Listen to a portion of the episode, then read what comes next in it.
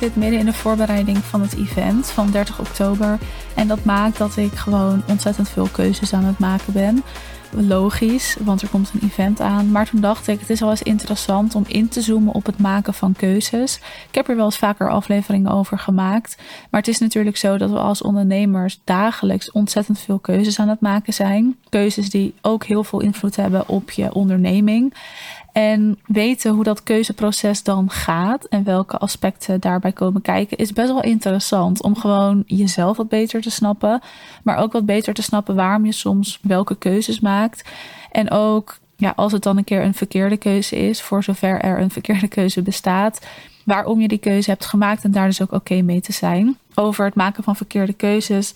In april had ik ook een event en toen zei ik hier wat over. Ik vertelde toen dat ik ervan overtuigd ben dat de meest succesvolle ondernemers altijd snel keuzes kunnen maken. En het maakt ze niet zoveel uit wat voor keuze ze maken, zolang ze maar een keuze maken, omdat je dan door kan en niet stagneert.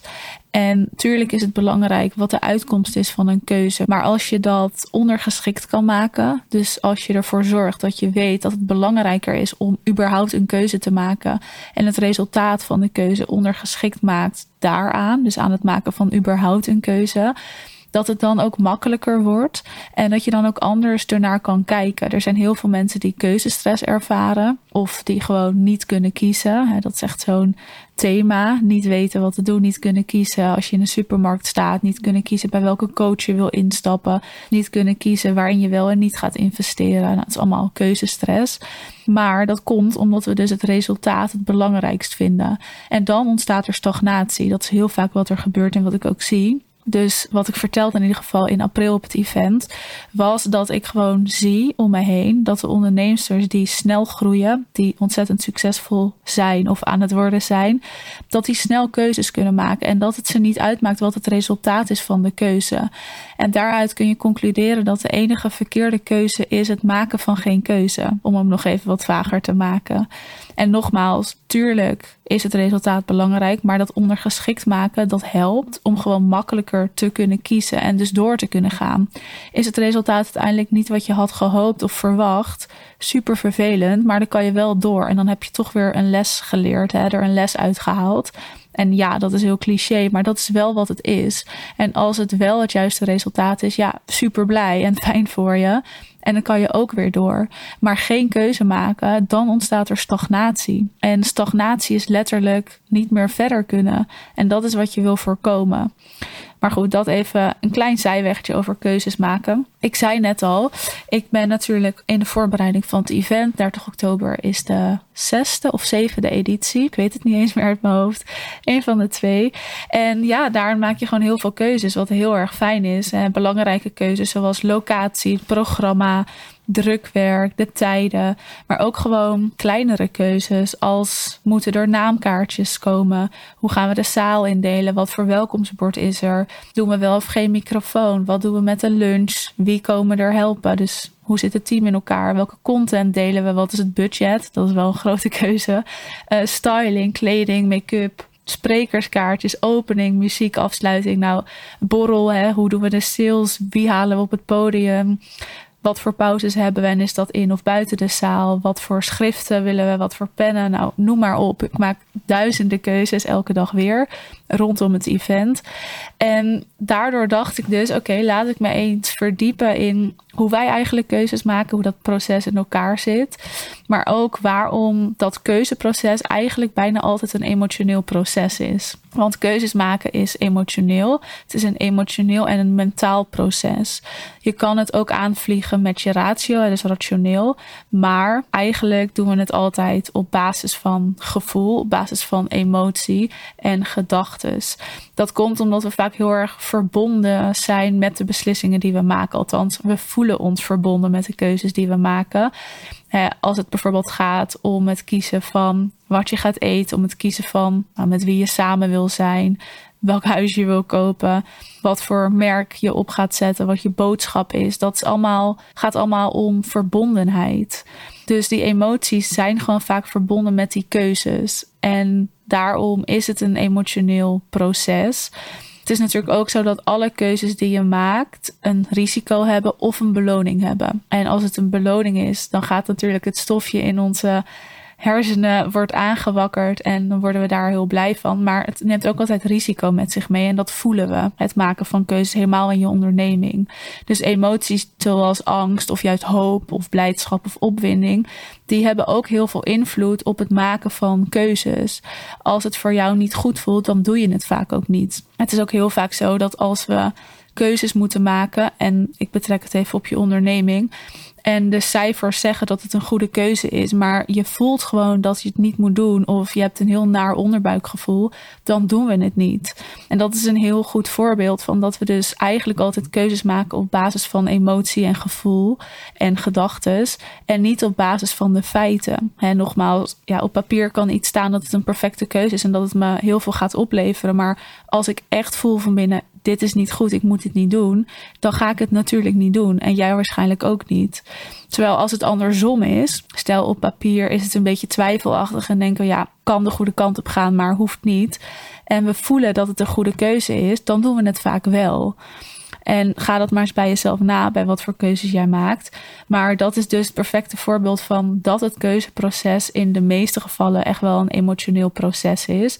En dat emoties daar gewoon een rol bij spelen. Naast emoties en intuïtie zijn er ook externe invloeden, bijvoorbeeld je omgeving. Dus je emoties überhaupt worden al beïnvloed door die externe factoren. Maar ook de keuzes dus, omdat de emoties daardoor worden beïnvloed. Bijvoorbeeld je sociale omgeving wat vindt je omgeving ervan? Hoe denkt je familie over de keuzes die je aan het maken bent? Maar ook gewoon simpel als reclame of marketing. Wat zie jij? Wat hoor jij? Wat merk jij? Ook dat heeft invloed op het maken van keuzes. Een voorbeeld, als jij een investering wil gaan doen, dan moet je natuurlijk kiezen bij wie je dat gaat doen. Stel je gaat met een coach samenwerken, je gaat een fotograaf kiezen of je gaat je branding uitbesteden. Dan moet jij kiezen bij wie ga ik dat doen. En dan ga je zoeken. En we gaan altijd onderzoek doen als we een keuze willen maken. En je kijkt gewoon bij wie heb ik het beste gevoel. Maar je kijkt ook wat vertelt diegene. Wat zijn er reviews? Dus hoe doet iemand zijn marketing? Hoe maakt iemand reclame? En dat beïnvloedt je emotie. En dat beïnvloedt dus de keuze die je maakt. Dus dat is ook iets om rekening mee te houden. En ook bijvoorbeeld dus bij het organiseren van zo'n event. Het is heel makkelijk om naar anderen te kijken. Dus andere ondernemers die events organiseren.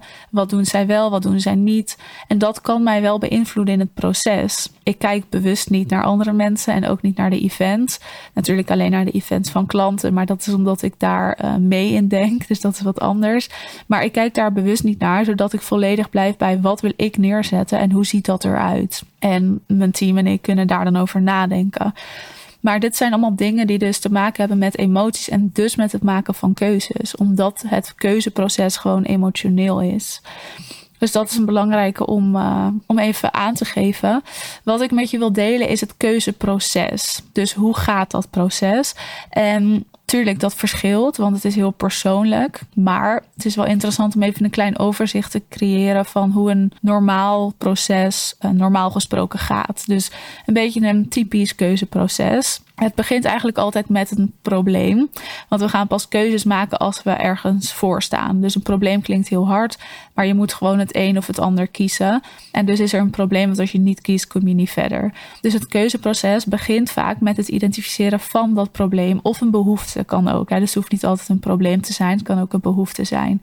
Dus het kan een heel concreet probleem zijn, zoals ik draai te weinig omzet. Ga ik in coach A of coach B investeren? Of ga ik investeren in een coach? Of investeren in salesactiviteit. Maar het kan ook een behoefte zijn. Dus een verlangen, een voldoening, een waar wil je naartoe. Dus dat is wat anders. Een abstractere behoefte eigenlijk. Dus een abstractere behoefte kan zijn het verlangen naar meer voldoening. Dus dat is altijd stap 1. Een probleemidentificatie. Of dus een behoefte-identificatie. Dus wat is het probleem? Wat is de behoefte? En kan ik daar wat mee? Stap 2 is eigenlijk altijd dat we dan informatie gaan verzamelen. Want zodra je weet wat de behoefte is of wat het probleem is, dan wil je informatie verzamelen. Kan ik dit oplossen? Wat heb ik daarvoor nodig? Wie heb ik daarvoor nodig? Je gaat reviews lezen, je gaat content lezen, je gaat kijken wat de opties zijn. Het is eigenlijk een beetje de opties en mogelijkheden bekijken. Dat was altijd stap 2. Stap drie is vaak dat we alternatieven gaan verzamelen. En daarmee bedoel ik dat je na het verzamelen van informatie uh, alternatieven gaat bekijken. Dus vaak weet je, oké, ik kan bij die en die en die terecht, maar wat is er nog meer mogelijk? dit en dit en dit is de prijs, maar wat zijn andere prijzen? Dus het is niet zo dat we na het verzamelen van informatie meteen keuzes gaan maken. En dat is best wel een interessant gegeven, vind ik altijd. Omdat dit ook is wat jouw klanten doen, hè, jouw potentiële klanten. Stel ze hebben met jou een sales call gehad, dan is de kans super groot dat ze alternatieven gaan bekijken. Niet iedereen doet dat. Ik noem het vaak dus ook shoppers, die gewoon bij iedereen even zo rondneuzen. Maar in ieder geval dat ze alternatieven gaan bekijken.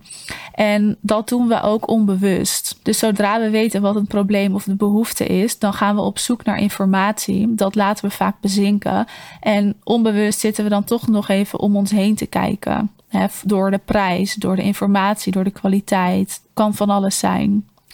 Daarna gaan we het proces in van besluitvorming. Dus hier gaan we echt keuzes maken in dit stadium. En soms is dat dus een keuze gebaseerd op emotie en gevoel, soms op ratio, soms op intuïtie of emoties. Het kan op van alles gebaseerd zijn, maar besluitvorming is ook een interessant proces. Dat is dus wat anders dan het keuzeproces. Het keuzeproces is echt het gehele proces, dus al vanaf het probleem of de behoefte totdat de keuze gemaakt is.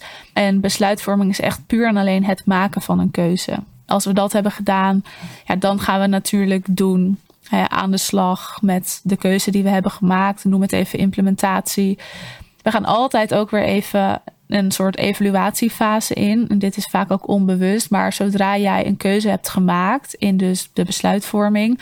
En je gaat het doen, je gaat het implementeren, je gaat ermee aan de slag. Dan ga je daarna ook altijd even denken: oké, was dit wat ik had verwacht? Is dit wel de kant die ik op wil? Hoe ervaar ik het eigenlijk? En dat alles heeft weer invloed op je volgende keuzeproces. We nemen natuurlijk onze ervaringen mee. En dit is eigenlijk hoe het elke keer gaat dat gaat onbewust. We doen dat automatisch. We herkennen automatisch een behoefte of een probleem. We gaan automatisch informatie verzamelen. Alleen al omdat je gewoon om je heen gaat kijken. We gaan automatisch daarna een keuze maken, te implementeren en zo gaat het door. En dit proces duurt soms lang, duurt soms kort, omdat het verschilt. Hoe groot is de keuze die je maakt? Als ik even kijk naar het event en bij het zoeken van een locatie, ja, dat, dan duurt het keuzeproces wat langer. Maar als het dan weer gaat om, oké, zetten we wel of geen naamkaartjes neer op de tafels, ja, dat is een proces van een paar minuten.